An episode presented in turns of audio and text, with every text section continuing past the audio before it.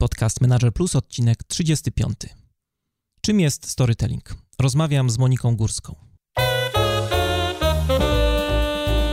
Dzień dobry, witam Was w 35. odcinku mojego podcastu Manager Plus. Przy mikrofonie Mariusz Hrabko, a to jest audycja o tym, jak zwinnie zarządzać sobą i biznesem. Jeżeli chcecie, żeby coś zmieniło się w Waszym życiu i czujecie potrzebę ciągłego szlifowania swoich umiejętności, zapraszam do słuchania moich audycji.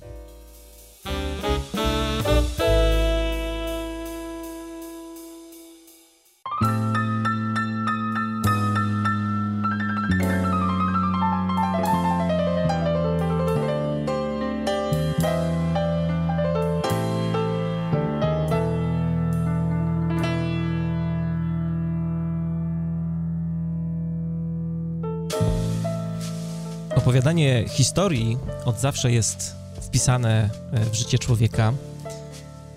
Historię opowiadamy w domu, w pracy, podczas różnych rodzinnych spotkań. Uwielbiamy słuchać historii, które są niezwykłe, takich, które na długo zapadają nam w pamięć, takie, które trafiają, e, które zostają na dłużej. E, historie mają ogromny wpływ na to, co robimy, na nasze emocje, na to, jak odbieramy pewne zdarzenia jak podejmujemy decyzje. I tę ogromną siłę opowieści wykorzystuje narzędzie, które jest coraz bardziej popularne wśród polskich menedżerów, wśród liderów. E, nazywa się storytelling i o storytellingu, o tym czym jest storytelling i jak można go wykorzystać w biznesie, w zarządzaniu, e, będziemy rozmawiali w dzisiejszej audycji. A notatki do programu znajdziecie na stronie mariuszchrapko.com ukośnik 35. Zapraszam też na mojego e, facebookowego fanpage'a facebook.com ukośnik Mariusz Hrabko. E, a jeżeli podoba Wam się ten podcast, e, tradycyjnie mam do Was wielką prośbę. We wpisie do audycji zamieściłem link do podcastu Manager Plus w iTunes, gdzie możecie zostawić swoją sympatyczną ocenę w formie gwiazdek, najlepiej kilku, lub krótkiej recenzji. Te wasze oceny bardzo pomagają mi w utrzymaniu widoczności tego podcastu wysoko w rankingach y, iTunes, y, dzięki czemu też y, te osoby, które jeszcze go nie słyszały, mogą do niego dużo łatwiej dotrzeć. Z góry wielkie dzięki za wszystkie głosy, które tam zostawiliście i zostawicie.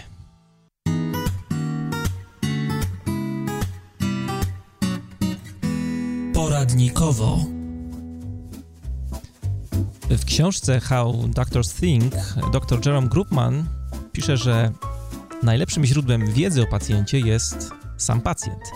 Pokazuje wyniki badań, które mówią, że lekarze przerywają swoim pacjentom średnio 18 sekund po tym, jak ci zaczynają mówić, co im jest, co im dolega.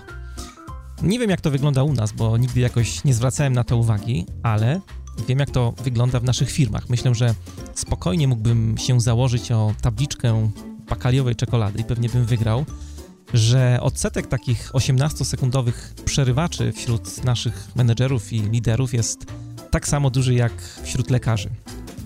Więc jeżeli jesteś menedżerem, jeżeli jesteś liderem, szefem, przestań przerywać. Niby błaha rzecz, ale ma naprawdę kolosalne znaczenie. Powiedziałbym, że ma znaczenie strategiczne. Ćwiczcie się w aktywnym słuchaniu, a jako zadanie domowe chciałbym, żebyście przeczytali jedną książkę autorstwa Marley Adams, książkę, które, która ma tytuł Myślenie pytaniami. Link do książki znajdziecie we wpisie do dzisiejszego odcinka.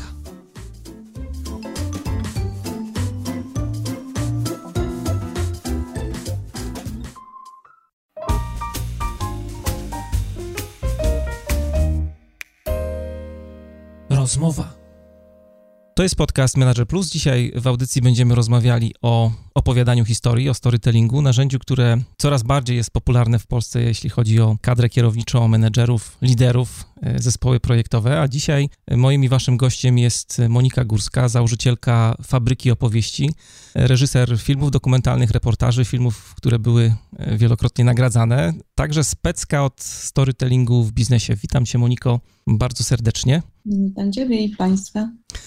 E, jesteś znana jako doktor Story, przynajmniej taka jest obiegowa twoja marka inter, w internecie, która krąży. E, przez wiele lat e, pracowałaś w telewizji polskiej, opowiadałaś historie różnych ludzi, a teraz pomagasz ludziom opowiadać ich własne historie. Jak to wszystko się zaczęło? Jaka jest Twoja historia?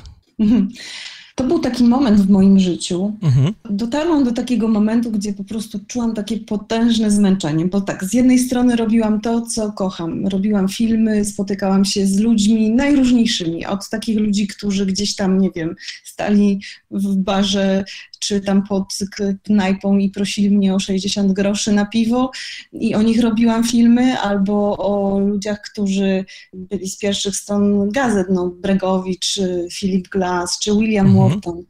I to z jednej strony było takie niesamowite życie, bardzo, bardzo ciekawe, fascynujące i, i te historie płynęły przez moje żyły ale czułam taki moment, że teraz może jest taki czas, żeby zacząć opowiadać swoim głosem, a jednocześnie y, no, nigdy nie było na to czasu.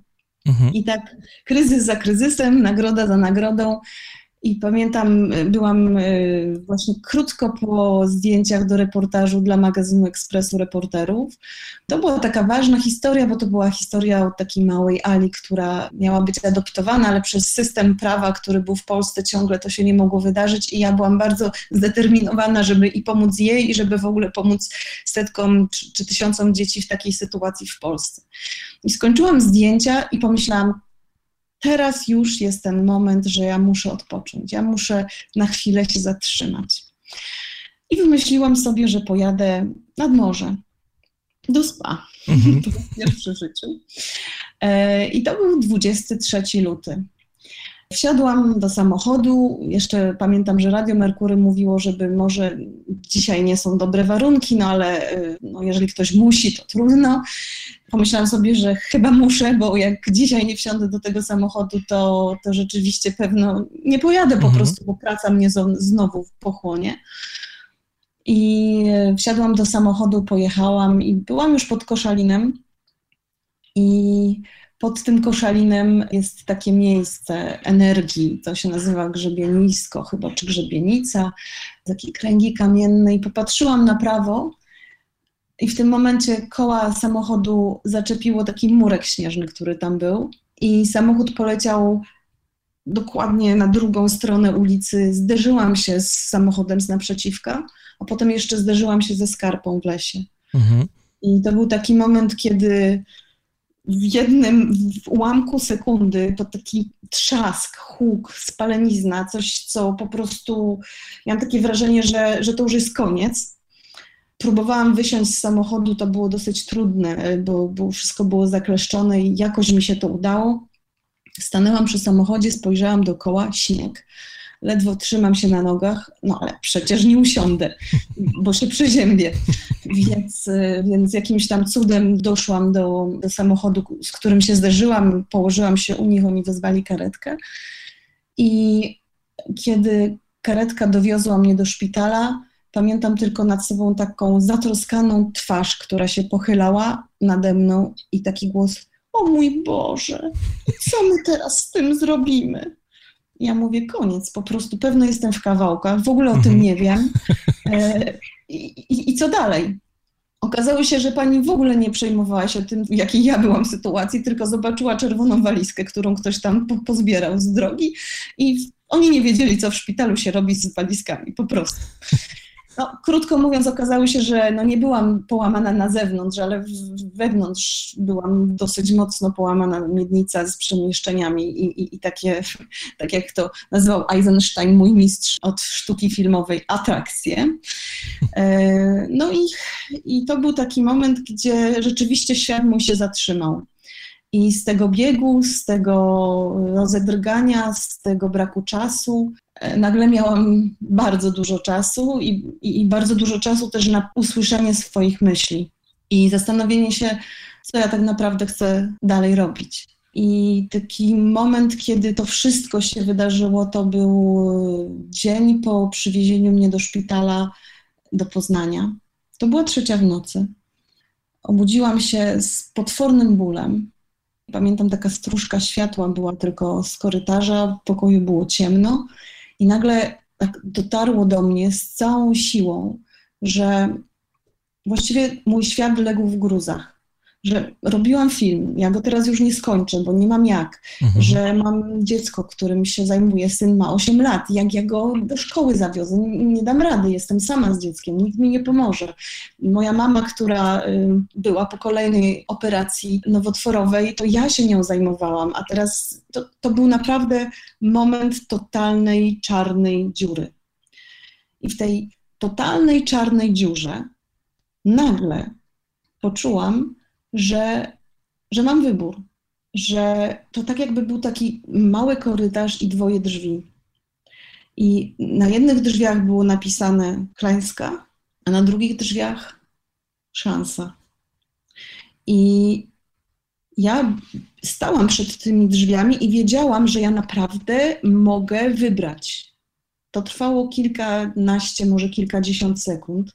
I teraz te jedne drzwi to było, no dobra, koniec świata, porażka, nie skończę filmu, dziecko nie wiem, co się z nim stanie, matka też nie wiem co. Po prostu totalna porażka, dlaczego ja, a dlaczego mi? I takie myślenie jest ciemność. Koniec. A te drugie drzwi, no to była szansa, tak? No, mhm. nic już nie zmienię. To się stało, co się stało. To co mogę z tym zrobić teraz? Jak mogę na to spojrzeć, może jest coś dobrego, może jakaś wartość tam dla mnie jest. I ten moment takiego wahania, ja teraz już wiem, że w sytuacjach kryzysowych to zawsze jest wybór i ten moment się ma. I wtedy to poczułam i, i to jest tak, jakbym nacisnęła tą klamkę, tą właściwą klamkę, bo to była klamka do drzwi z napisem szansa. I popatrzyłam na to, co się mi wydarzyło, z taką nadzieją, że to jeszcze nie koniec, że teraz ja mogę coś z tym zrobić i to był ten moment, kiedy jak podjęłam już tą decyzję, to nagle wszystko, wszystko się w moim życiu zmieniło, bo nagle miałam bardzo dużo czasu i ten czas mogłam poświęcić na to, żeby się, żeby napisać doktorat, żeby napisać podręcznik storytellingu w sztuce filmowej, żeby wyprawić mojej mamie osiemdziesiątkę, niespodziankę, będąc cały czas na łóżku, na pustakach, jeżdżąc najpierw na wózku, a potem chodząc o kulach. I przede wszystkim pomyśleć, jak tą moją miłość do opowieści wykorzystać, żeby ona służyła też ludziom, żeby tego uczyć, żeby, żeby ludzie zrozumieli, że ich życie też można potraktować jako opowieść. I to taką opowieść, gdzie to ty jesteś bohaterem, że ty nie musisz siebie obsadzać w drugoplanowych rolach albo w, nie wiem, w obsłudze planu, tak? możesz, możesz decydować i możesz w każdej sytuacji, obojętnie co ci, co ci się przydarzy, dopisać inne zakończenie do twojej opowieści, nowe. Nie zmienisz sytuacji, ale możesz zmienić Twoje nastawienie. I to był moment przełomu, bo ja wtedy pomyślałam, że to jest to, czym ja chcę się zająć. Jeszcze nie wiedziałam wtedy, czy to będzie w filmie, czy to będzie w dziennikarstwie, czy to będzie w nauczaniu, czy to będzie w biznesie. Ja tylko wiedziałam, że to jest moja droga, że właściwie po to tutaj jestem. I zaczęłam to robić krok po kroku. Najpierw postanowiłam, że odejdę z telewizji, gdzie pracowałam 14 lat na mhm. etacie. Samotna matka odchodzi z etatu, to jest bardzo dramatyczna decyzja. Albo I odważne. bardzo mnie to dużo kosztowało, tak, na, naprawdę odważne. Ja pamiętam, jak się wbiłam w łóżku o trzeciej w nocy się znowu ta trzecia magiczna godzina w nocy, gdzie, gdzie nie wiedziałam, co zrobić, brzuch mnie bolał i, i rzeczywiście biłam się z myślami. Ale postanowiłam, że tak, że ja chcę założyć fabrykę opowieści. I w tej fabryce opowieści będę uczyć ludzi w taki sposób opowiadać, żeby ich każdy słuchał. Nawet jak będą mówić szeptem, żeby nadal ich słuchali. I ja się całe życie tego uczyłam, całe życie szukałam tej magicznej formuły, no bo najpierw jak dostawałam nagrody za filmy, no to też się zastanawiałam, dlaczego dostałam tą nagrodę? Co, co sprawiło, że jurorzy wybrali akurat mój film? Przecież tych filmów bardzo dobrych w finałach konkursów jest naprawdę mnóstwo. Potem jak byłam jurorem, to też się zastanawiałam, no dobrze, dlaczego my się tak kłócimy? O co my się tak kłócimy, jak przyznajemy nagrody?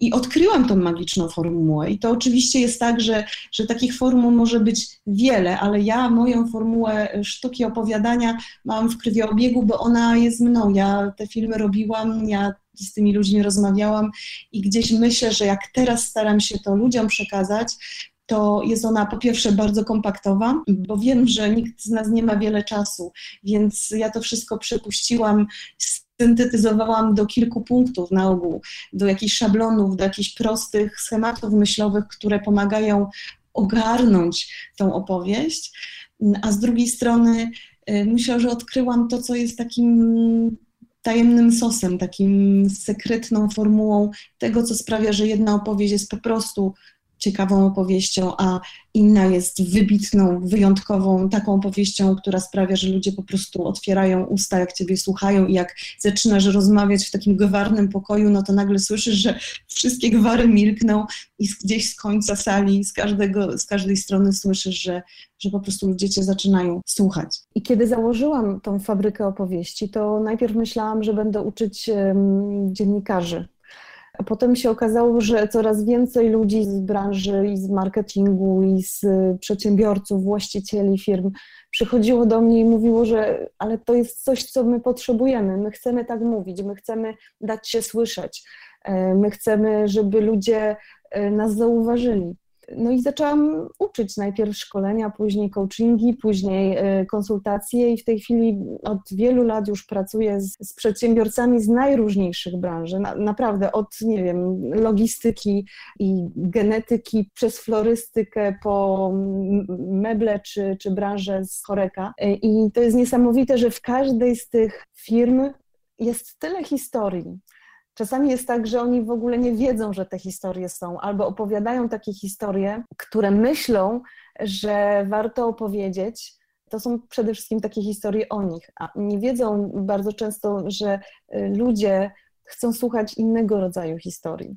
Chcą słuchać takich historii, które pokażą też no wiadomo, klient chce, jest nastawiony na jedno radio, prawda? To jest to radio WIT FM, czyli What is there for me? Mhm. I, e, I takie opowieści też wybieramy, gdzie klient się może w nich przejrzeć i zobaczyć, e, co z tego, co przedsiębiorca czy lider opowiada, e, będzie się przekładało na jego doświadczenie, na jego potrzeby, na jego marzenie.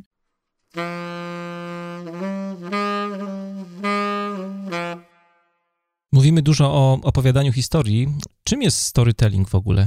Storytelling to jest sztuka budowania relacji poprzez oddziaływanie na wyobraźnię i na emocje słuchaczy za pomocą opowieści albo metafor. A dlaczego historie mają taką, taką moc? Na świecie jest ich tysiące, miliony w zasadzie i co takiego magicznego mają w sobie opowieści, że działają na odbiorców? Myślę, że my historię, opowieści mamy po prostu w DNA, my ludzie. Mhm. Od samego początku, od 100 tysięcy lat, nawet kiedy jeszcze nie było języka pisanego, nawet kiedy jeszcze nie było prawa skodyfikowanego, to człowiek przekazywał innym ludziom sens życia, informacje o życiu, wszystko to, co może się mu przydać poprzez opowieści. I w związku z tym y, my je mamy, a teraz jak wyobraź sobie, że się rodzisz i e, jesteś takim małym, ślicznym bobaskiem i, i już zaczynasz robić pierwsze kroki. jak, jak, jak się urodziłeś i potem robisz pierwsze kroki e, i potem e, ci twoja kochana mama albo babcia albo niania bierze cię w ramiona i zaczyna co? zaczyna ci opowiadać historię, pokazuje ci filmy, czyta książki, to są wszystko opowieści. Więc nawet gdybyśmy chcieli uciec od tego, co mamy w naszym DNA, to po prostu nie możemy, bo jesteśmy przez kilka pierwszych lat nastawieni całkowicie na opowieści. W związku z tym to jest też takie narzędzie, które do, do, nas trafia. Bo dlaczego opowieści działają, to tutaj już na to odpowiedź e, da ci neuronauka. To jest tak, że nasz mózg, kiedy mm, słucha opowieści, to wytwarzają się w nim hormony i to jest y, oksytocyna i kortyzol. To są takie hormony, które są bardzo ciekawe, kiedy się ze sobą łączą, bo oksytocyna to jest ten hormon empatii, to jest hormon miłości, też zapomnienia, a kortyzol to jest hormon stresu.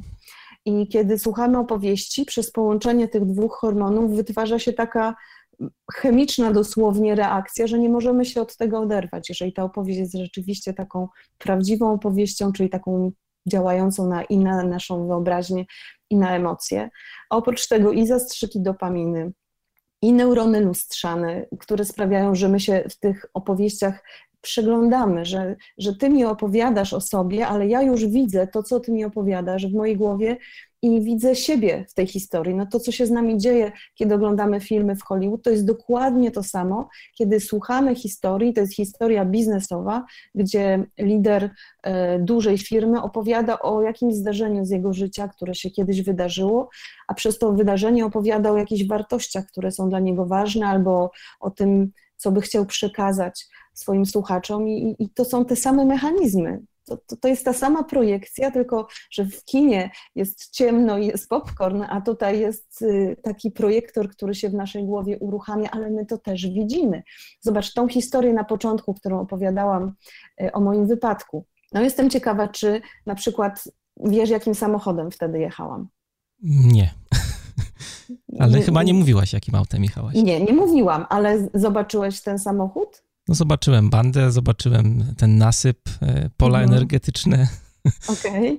bo, bo wiesz, e, może dlatego też, że ty prowadzisz tą audycję, więc trochę jesteś tak, że nie, nie wchodzisz tak do końca w tą historię. Jak ja tą historię opowiadam ludziom, to oni mi mówią tak, no jechałaś Volvo, jechałaś Mercedesem, jechałaś, nie wiem, jakimś innym i wymieniają mi marki, mimo że ja specjalnie nie mówię, jakim samochodem jechałam, bo właśnie oni zobaczyli tę historię w głowie. I teraz, jeżeli ktoś nie widzi, to znaczy, że ta historia jest jeszcze do dopracowania, że ona jeszcze nie zadziałała tak, jak powinna. Idealna historia jest wtedy, kiedy ja opowiadając, ty po prostu widzisz to w głowie, widzisz kolor włosów, widzisz wiek osoby, o której ja mówię, mimo że ja w ogóle takich detali nie daję.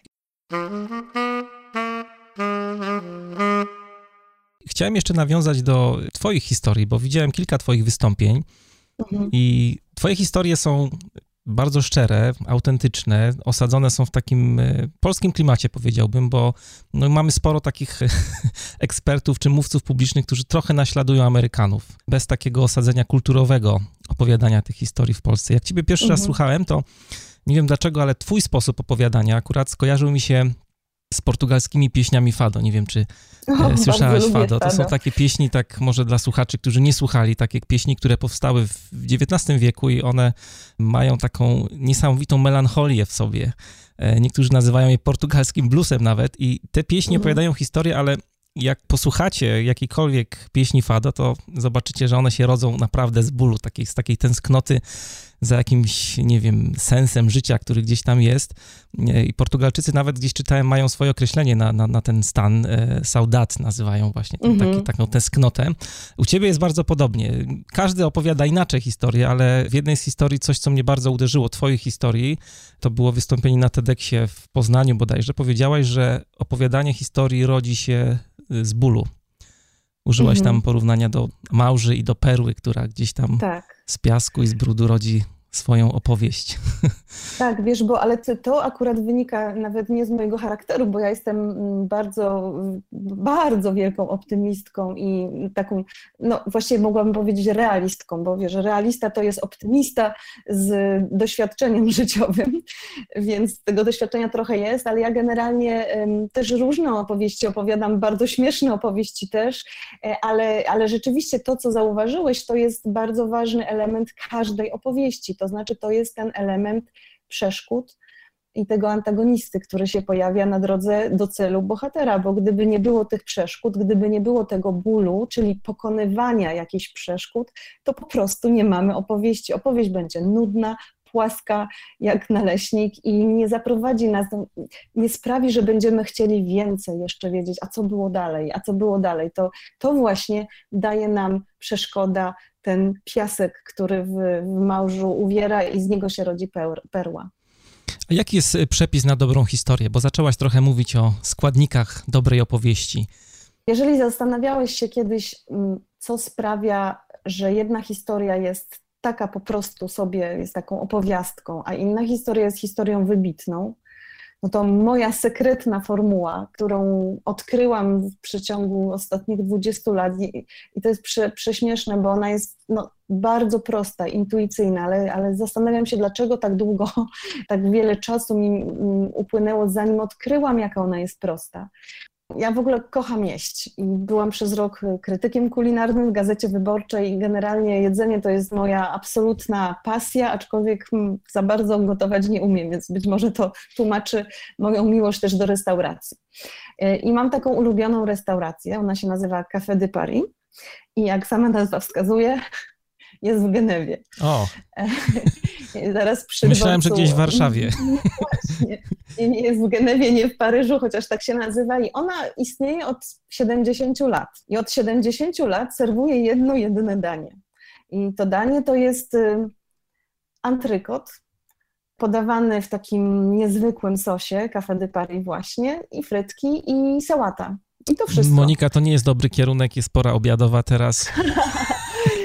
I no, bardzo polecam, tylko jeżeli byście się wybierali do Genewy, to trzeba y, zarezerwować długo, długo na, naprzód miejsce, bo mimo, że to jest to jedyne danie podawane zawsze tam, tam mhm. jest bardzo ciężko dostać stolik. No i jak ja dostałam ten antrykot, jak zaczęłam jeść te kawałki polędwicy w tym sosie, to Warto po prostu było? oszalałam. Och Boże. Ja już tam wiele razy byłam i wracałam i to jest rzeczywiście moje magiczne miejsce na ziemi i to i ten smak tego sosu był po prostu porażający. I ja, ponieważ jako krytyk kulinarny, no przecież ja muszę wiedzieć, jak to się robi, więc poszłam tam i do kucharza, i do kelnery, zagadywałam, wszystkie moje e, atuty używałam dziennikarskie, żeby mi powiedzieli, jaki jest ten sos, z czego on się składa. Ja kiedy nie chcieli mi powiedzieć tego sekretu, no to mówię, no dobra, to ja wam powiem, no tam jest na pewno bazylia, jest czosnek, jest masło, jest to, no ale tylko kiwaj głową i powiedz, czy to jest to. Nie chcieli. No bo kucharze nie zdradzają sekretów y, swoich najwspanialszych dzieł. A ja sobie pomyślałam, że ja wam zdradzę ten sekret.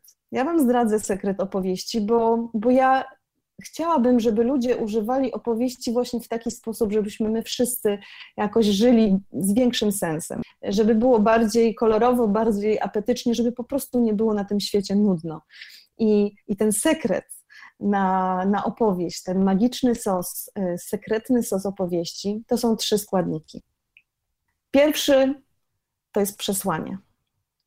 I to jest coś, na czym bardzo dużo ludzi odpada już na samym początku. To znaczy, jeżeli opowiadasz, to zawsze musisz wiedzieć, po co to opowiadasz.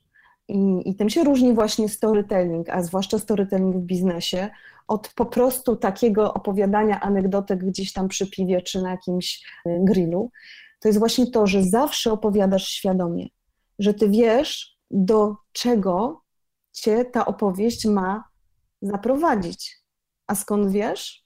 Ano stąd, że zaczynasz od końca że ty zaczynasz od tego, co ma zostać w głowie twoich słuchaczy. Jaka najważniejsza prawda, jaka najważniejsza, nie wiem, lekcja, którą się nauczyłeś, albo odkrycie twoje ma pozostać w głowie słuchaczy. I później dopiero, idąc jak rak do tyłu, odkrywasz w zasobie Twoich różnych opowieści, różnych przygód, różnych zdarzeń w życiu, które się wydarzyły, czy u Ciebie, czy w Twojej firmie, jakąś opowieść, tą jedną, która będzie po prostu ilustracją tego przesłania. To jest absolutnie najważniejsza rzecz. Jeżeli coś ci nie działa z opowieścią, ludzie się uśmiechają, ale potem idą dalej i, i właściwie nie wracają do tego, to znaczy, że tam po prostu nie było przesłania. Drugi element to jest taki, który jest oczywisty dla marketerów, dla ludzi od budowania marki, dla PR-owców, ale dla przedsiębiorców i paradoksalnie czasami dla liderów to wcale nie jest takie oczywiste. I to są emocje. Lindstrom mówił, że jeżeli nie ma emocji, to nie ma sprzedaży. Ja mówię, że jeżeli nie ma emocji, to też nie ma zaangażowania. Jeżeli chcesz pociągnąć za sobą ludzi, jeżeli chcesz nimi zarządzasz, zarządzać, bo jesteś kierownikiem, menadżerem, czy że chcesz, żeby oni zobaczyli w tobie nie tylko jakiegoś niedostępnego szefa, tylko człowieka, tylko kogoś, kto jest podobny do nich, no to musisz opowiadać w taki sposób, żeby podzielić się historią, która wzbudzi w Twoim słuchaczu jakieś emocje. I te emocje to nie muszą być dramatyczne historie, to nie muszą być jakieś um, historie, tak jak u mnie chociażby, z jakąś tragedią w tle, z wypadkiem, z śmiercią. To mogą być bardzo proste historie, tylko warunek jest jeden, że tam będą te emocje. I też te emocje to nie muszą być smutne i trudne emocje, to może być radość. To może być zaskoczenie, to jest w ogóle najpiękniejsza emocja. Tylko one muszą być i teraz w opowieści musi być pewna transformacja, to musi być przeobrażenie. To właśnie to przeobrażenie w opowieści to jest przeobrażenie, gdzie następuje transformacja też emocji. Takie najpiękniejsze opowieści, tu zdradzam naprawdę takie sekrety, sekrety, tajniki kuchni storytellingowej, to jest właśnie przechodzenie od emocji do emocji. To nie jest jedna emocja, to jest łączenie emocji, wtedy naprawdę nikt ci się nie oprze, nawet teściowa, jeżeli mi opowiesz tą historię.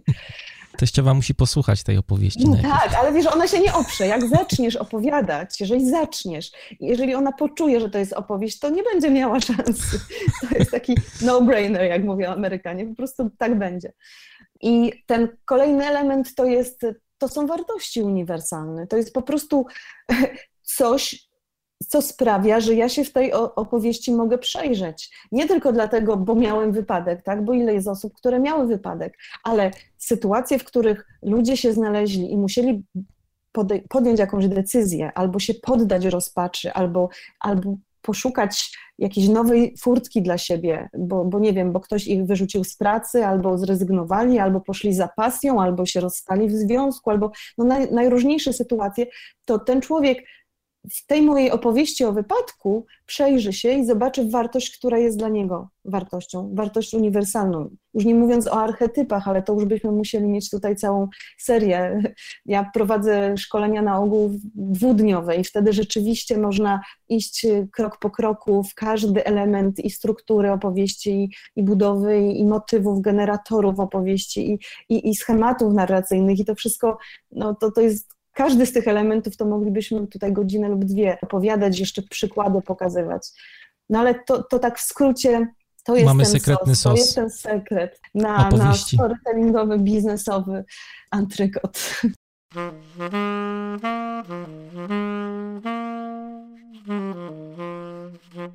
Chciałem Cię zapytać jeszcze o taką bardzo praktyczną rzecz. Załóżmy, że jestem menedżerem, który pracuje w jakiejś informatycznej firmie. Firma chce mhm. wdrożyć szereg zmian, zmian, które będą dotykały jakoś pracowników, ludzi, z którymi ten menadżer pracuje na co dzień. No i chciałbym zrobić takie mm, wystąpienie dla swoich pracowników, żeby ich przekonać jakoś do zmian. Ja się zawsze zastanawiałem nad tym, co jeżeli, nie wiem, nie miałem wypadku samochodowego tak jak ty, albo nie mhm. byłem w Genewie w Café de Paris? Skąd e, szukać tych historii? Czy, nie wiem, są jakieś szablony historii, które można wykorzystać przy przygotowywaniu się do e, wystąpienia publicznego, do jakiejś tam prezentacji w firmie na przykład? Y, wiesz co, są takie szablony, jest mnóstwo cudownych książek, gdzie są opowieści, tylko że ja uczę storytellingu, który jest zakorzeniony w życiu.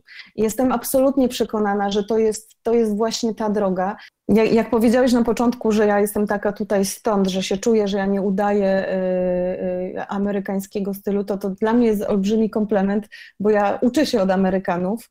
Jestem członkiem Platinum Mastermind Jeffa Walkera i, i uwielbiam tą koncepcję i to myślenie o marketingu, które oni mają bardzo, bardzo są do przodu przed nami. Y, to jest taki nowy marketing zupełnie, to jest marketing oparty właśnie o wartości.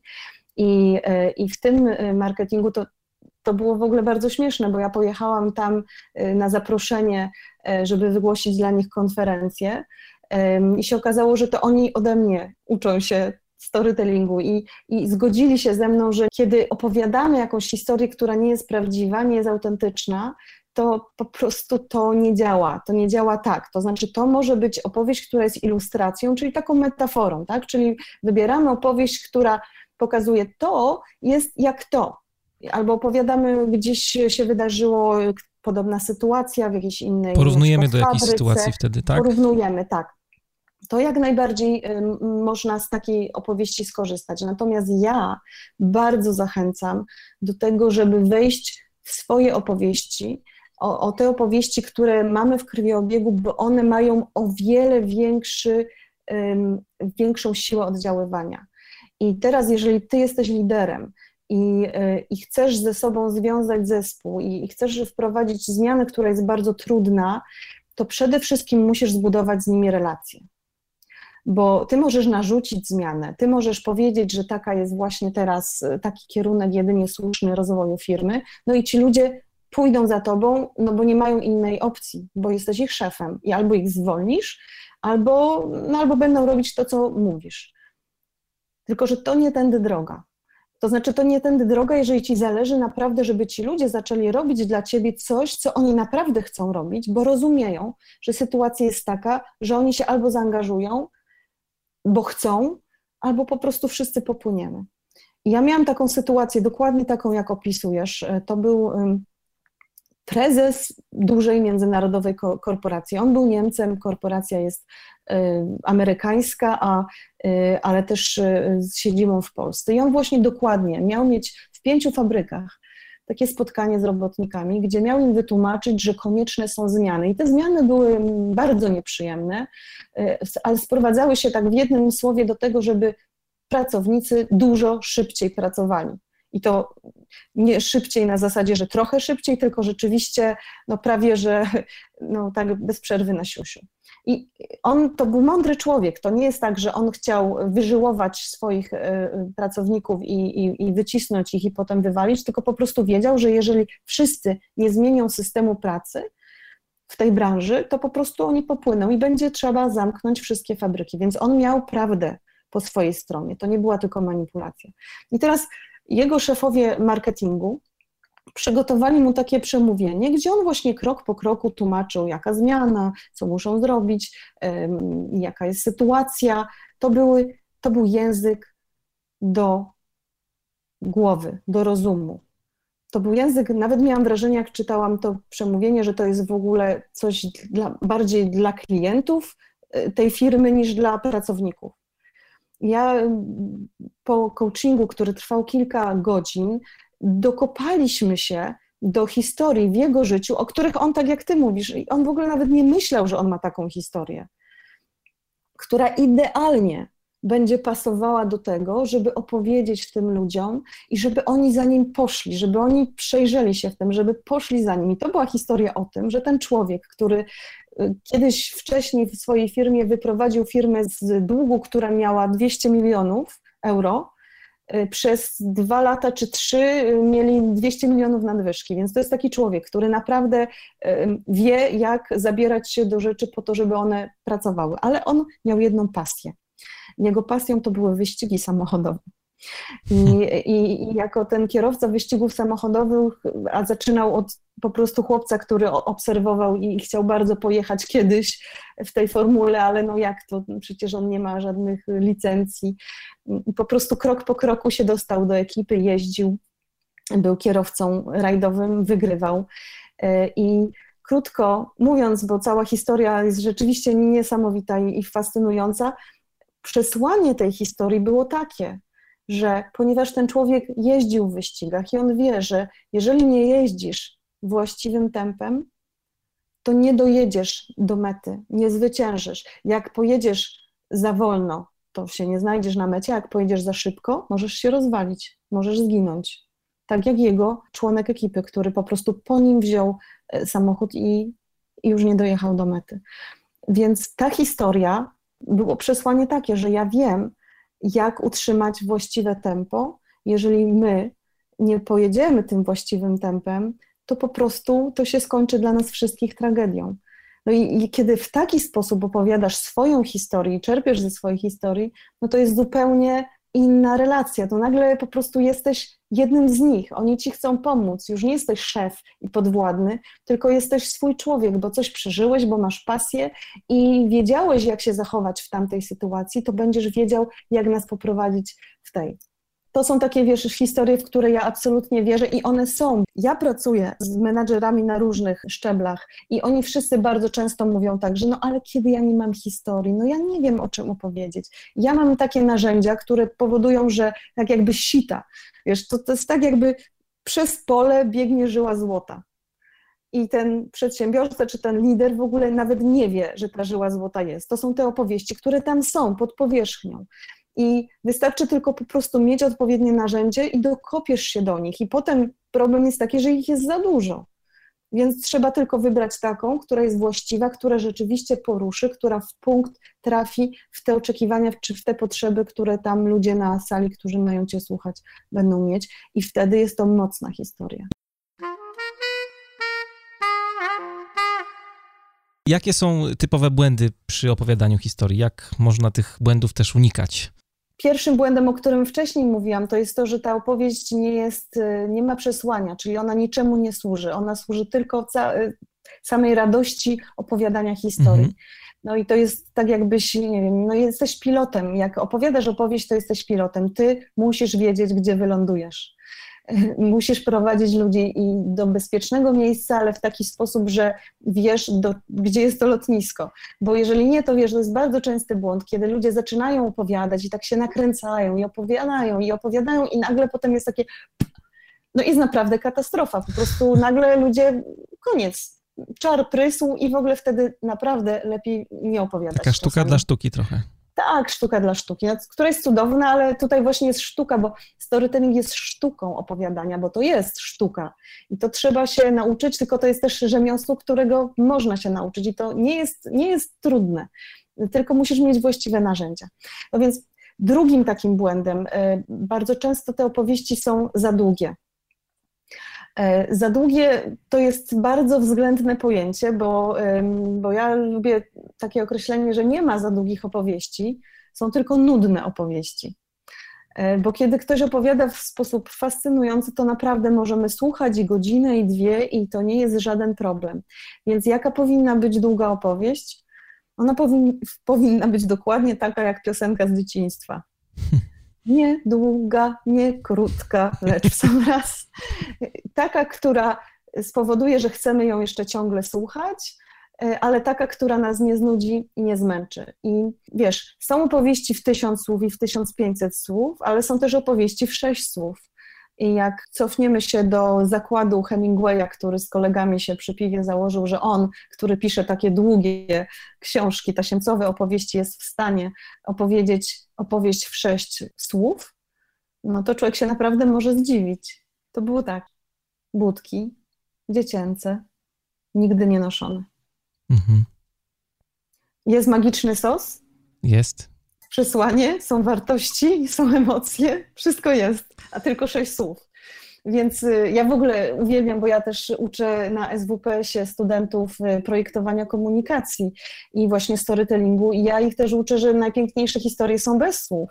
No tylko wtedy oczywiście musisz mieć y, język filmowy czy animację i to są też bardzo mocne historie. Także słowa opowieści też mogą być bez słów, no ale w biznesie, jeżeli nie masz filmu do dyspozycji, który zawsze jest najmocniejszym takim medium, no to, to są te opowieści, które opowiadasz i ten film wtedy e, wyświetla się komuś w głowie. Tak, pamiętam jak na tym wystąpieniu właśnie TEDxowym puściłaś fragment filmu Gapa mm. Złodziej. No, Gapa jak to jest przycina rzeczywiście... kombinerkami ten, ten drut przy Boszu w tak, markecie. No tak, niesamowite. No widzisz, a pewno widziałeś to jakiś czas temu i to rzeczywiście zapada, y, zapada w życie, ale prawdę mówiąc... Podobno masz tysiąc jeden historii, więc... Tak, pytałeś mnie, bo, bo, pytałeś mnie, skąd się wziął ten storytelling. To, to Gapa to był jeden z takich kluczowych momentów w moim życiu, bo ja jak złodziej, którego powiem szczerze, nie, nie, to nie jest moja droga życiowa, ścieżka kariery. Jak złodziej, który opowiada mi historię i sprawia, że ja po prostu go słucham przed sklepem przez godziny z taką szeroko otwartą buzią, to on to sprawił, tą moją uwagę, to, to, że ja go zauważyłam i że chciałam go posłuchać, mu poświęcić czas swoimi opowieściami. I to on pokazał mi, że, że to, co on nazywał bajerą, a co Jobs nazywał story, to, to po prostu tak dobrze działa na ludzi. No to mamy tak, za długie i teraz y, łatwo sobie pomyśleć, że nie musisz opowiedzieć wszystkich historii naraz, że jedna opowieść to może być też podzielona na odcinki. Więc możesz potraktować tą opowieść tak jak taką przystawkę. Że na razie opowiesz tylko trochę, a później opowiesz resztę. Wiesz, ja też uczę ludzi, że... No to ciekawe jest... bardzo jest. Czyli w, trakcie całego wystąpienia można sobie podzielić całość, tak? Można, o to w ogóle bardzo buduje napięcie, bo chcemy wiedzieć. Na początku się czegoś dowiedzieliśmy, prawda, tak jak u Hitchcocka, że zobaczyliśmy ten pistolet, mhm. a potem na końcu on musi wystrzelić. Tak samo w blogach na przykład to jest też świetne narzędzie, że zaczynamy jakąś opowieść, a potem kończymy ją w kolejnych odcinkach. Mm, to, to jest tak, ja też um, uczę ludzi, że dobrze jest mieć kilka wersji tej samej opowieści i kiedy zaczepi cię dziennikarz i masz tylko dwie minutki, no to mówisz krótką wersję, jak y, możesz to powiedzieć w czasie prezentacji, to na ogół jest 5-6 minut taka opowieść, a później, jeżeli masz więcej możliwości, bo ludzie już chcą wiedzieć więcej, bo już ta opowieść płynie, no to możesz nawet 15 minut, to może iść albo i całą noc. Także dobrze jest mieć przygotowane y, wersje i to jest tak, wiesz, że rozmawiamy o opowieściach, ale to można mieć tysiąc jeden opowieści, ale ja uczę, żebyś miał trzy opowieści. Tylko trzy, dobre, przećwiczone, sprawdzone. I te opowieści w różnych wariantach czasowych używasz ciągle i ciągle na nowo. To jest opowieść GPS, to jest opowieść DNA Story i to jest opowieść Happy Client Story. To, jest taka, to są takie podstawowe opowieści, które sprzedają. I mówiąc o sprzedaży, mówię o dosłownej sprzedaży w handlu, ale też mówię o sprzedaży Twoich idei, Twojej osoby, Twojej marki, Twoich pomysłów i tej zmiany też, którą chcesz na przykład wprowadzić. Druga rzecz to jest taka, że staramy się opowiadać kilka historii naraz. Zaczynamy od jednej, potem jest dygresja do kolejnej i kolejnej one nam tak pączkują i to bardzo dużo ludzi ma z tym kłopot. Ja też mam z tym kłopot. Gdybym ja nie trzymała się w ryzach i nie używała własnych narzędzi do własnych opowieści, to one też by płynęły. Więc to pomaga y, ta struktura, której ja uczę, właśnie ten sykomor, czy, czy, czy, czy dziewięć e, kroków, y, te pucle narracyjne, które są taką rozszerzoną wersją, które właśnie pomagają zbudować strukturę opowieści, one dają ci taką, trzymają tą opowieść w ryzach. Y, I to jest tylko kwestia taka, no jeżeli nie masz tych narzędzi, to możesz też pomyśleć, żeby, że te opowieści to, to nie ma być serial. To ma być jeden wątek, jeden odcinek tylko serialu. I wtedy pomyśl sobie, no dobra, no jest kolejny wątek i kolejny, dobrze, to ja go przerzucę do następnego. E, więc to musi być jedna opowieść naraz. Ona oczywiście będzie obrazowa, ona będzie miała różne zawirowania, zwroty akcji, ale to musi być ta jedna opowieść. Kolejny błąd, i to jest absolutnie podstawowy błąd, to jest wtedy, kiedy opowiadasz, a ta opowieść nie jest autentyczna. Autentyczność to jest klucz do storytellingu. I są ludzie, którzy mówią: Nie, to nie ma być autentyczne, wystarczy, że jest ciekawe.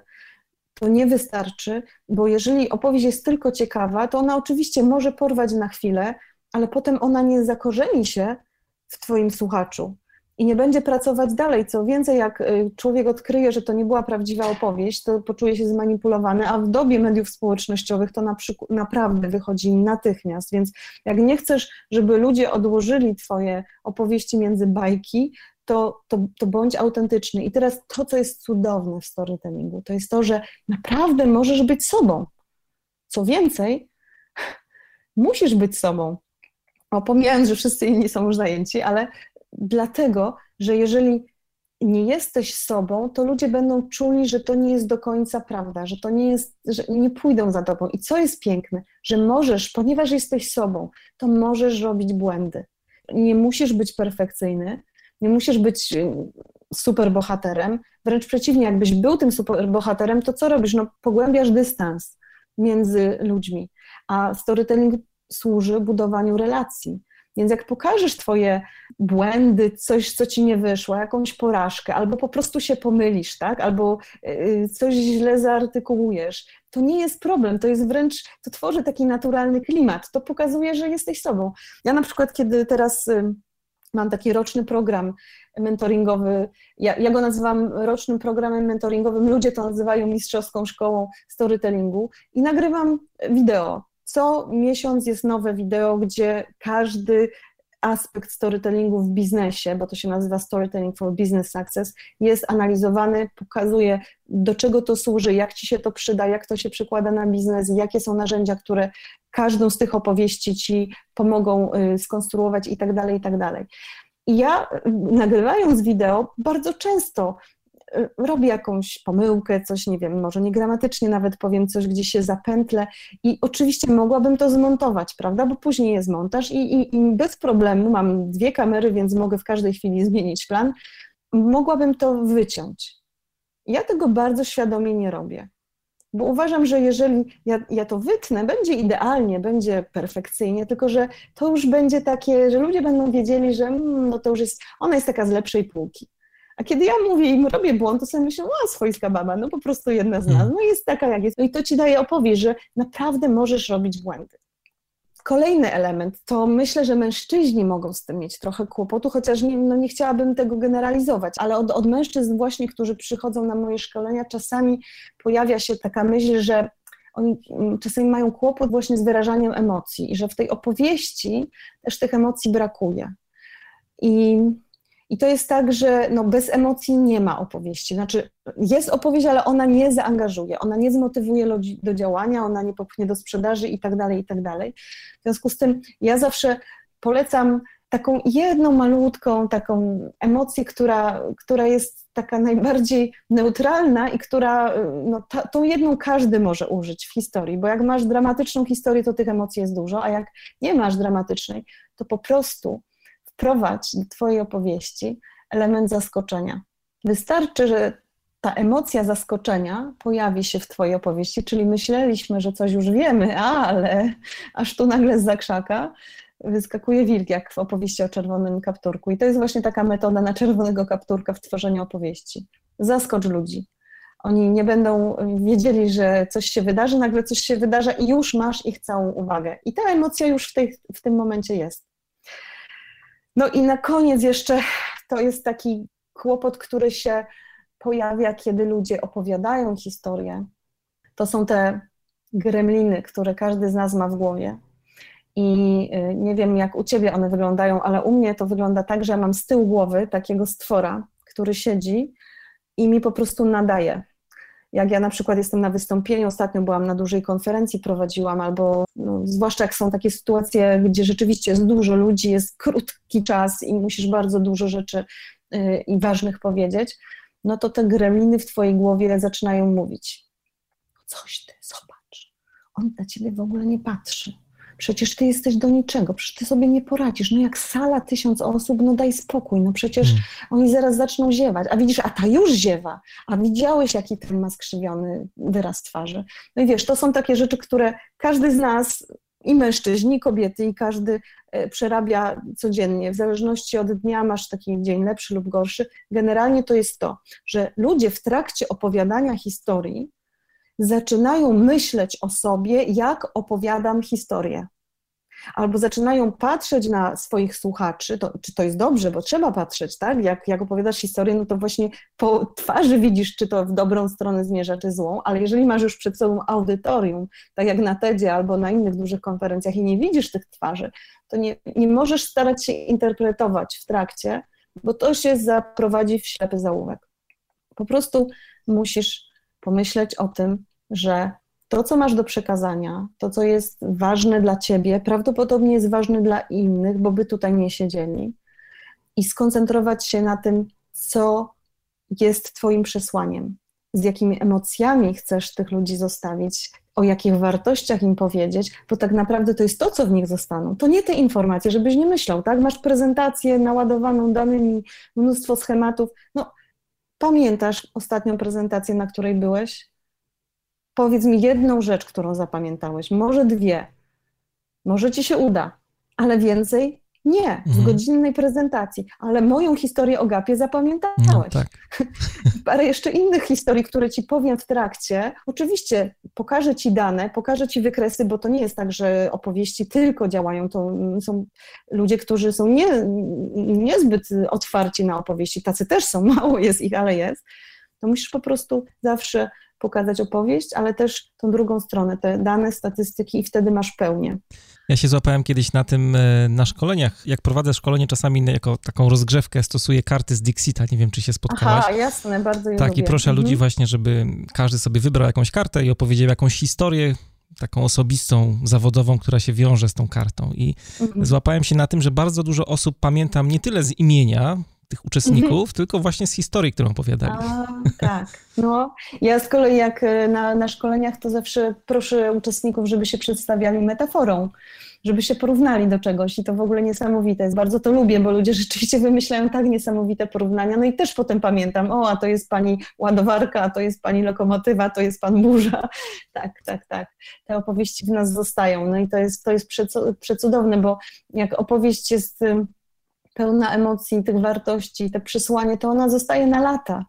I jeżeli jest to opowieść lidera albo opowieść marki, no to to też zostanie na lata. To będą pamiętać, ja, ja mam no mnóstwo takich przykładów, mogę podać, jak ludzie y, przez to, że opowiedzieli swoją osobistą opowieść, tak, to w ogóle jakby nie było rozmowy na temat tego, że nie wiem, no teraz chcemy podpisać jakiś kontrakt, będziemy rozmawiać o warunkach handlowych. Nie, po prostu była rozmowa o człowieku, o wartościach, w które wierzę, a na końcu było, no dobra, no to ci podam warunki umowy, no to przecież na pewno spełnicie. I, i, i tak to jest, bo przez to, że ta opowieść y, zbudowała relacje, to potem wszystko inne już jest tylko, przechodzi na dalszy plan. I to tak działa. Ludzie mają z tym problem, bo myślą, że jak twarde dane podadzą i zasypią lawiną mm, jakichś informacji, no to, to, to, to wywoła efekt. No i trochę tak byliśmy wychowywani, tak nam mówili, że tak się robi, ale to nie jest czas, bo marketing 3.0 to jest marketing, gdzie człowiek jest ważny,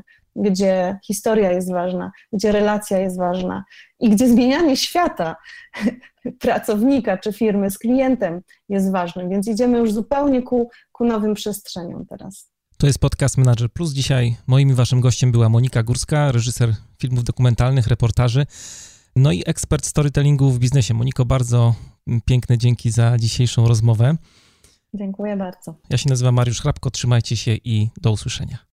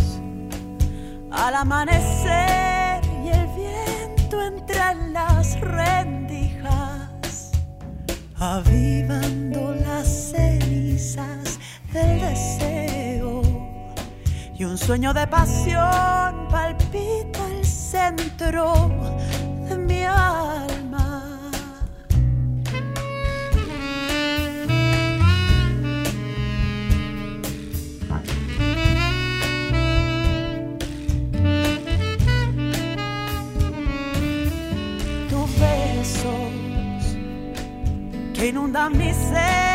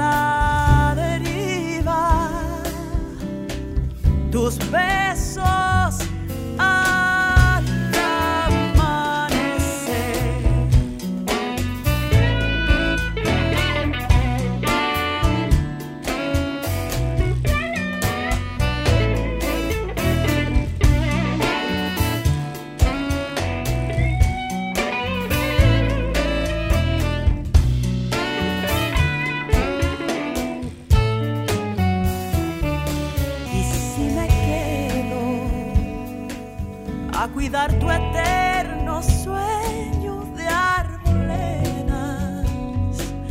Mesidas en su canto de recuerdo, un camino de amor.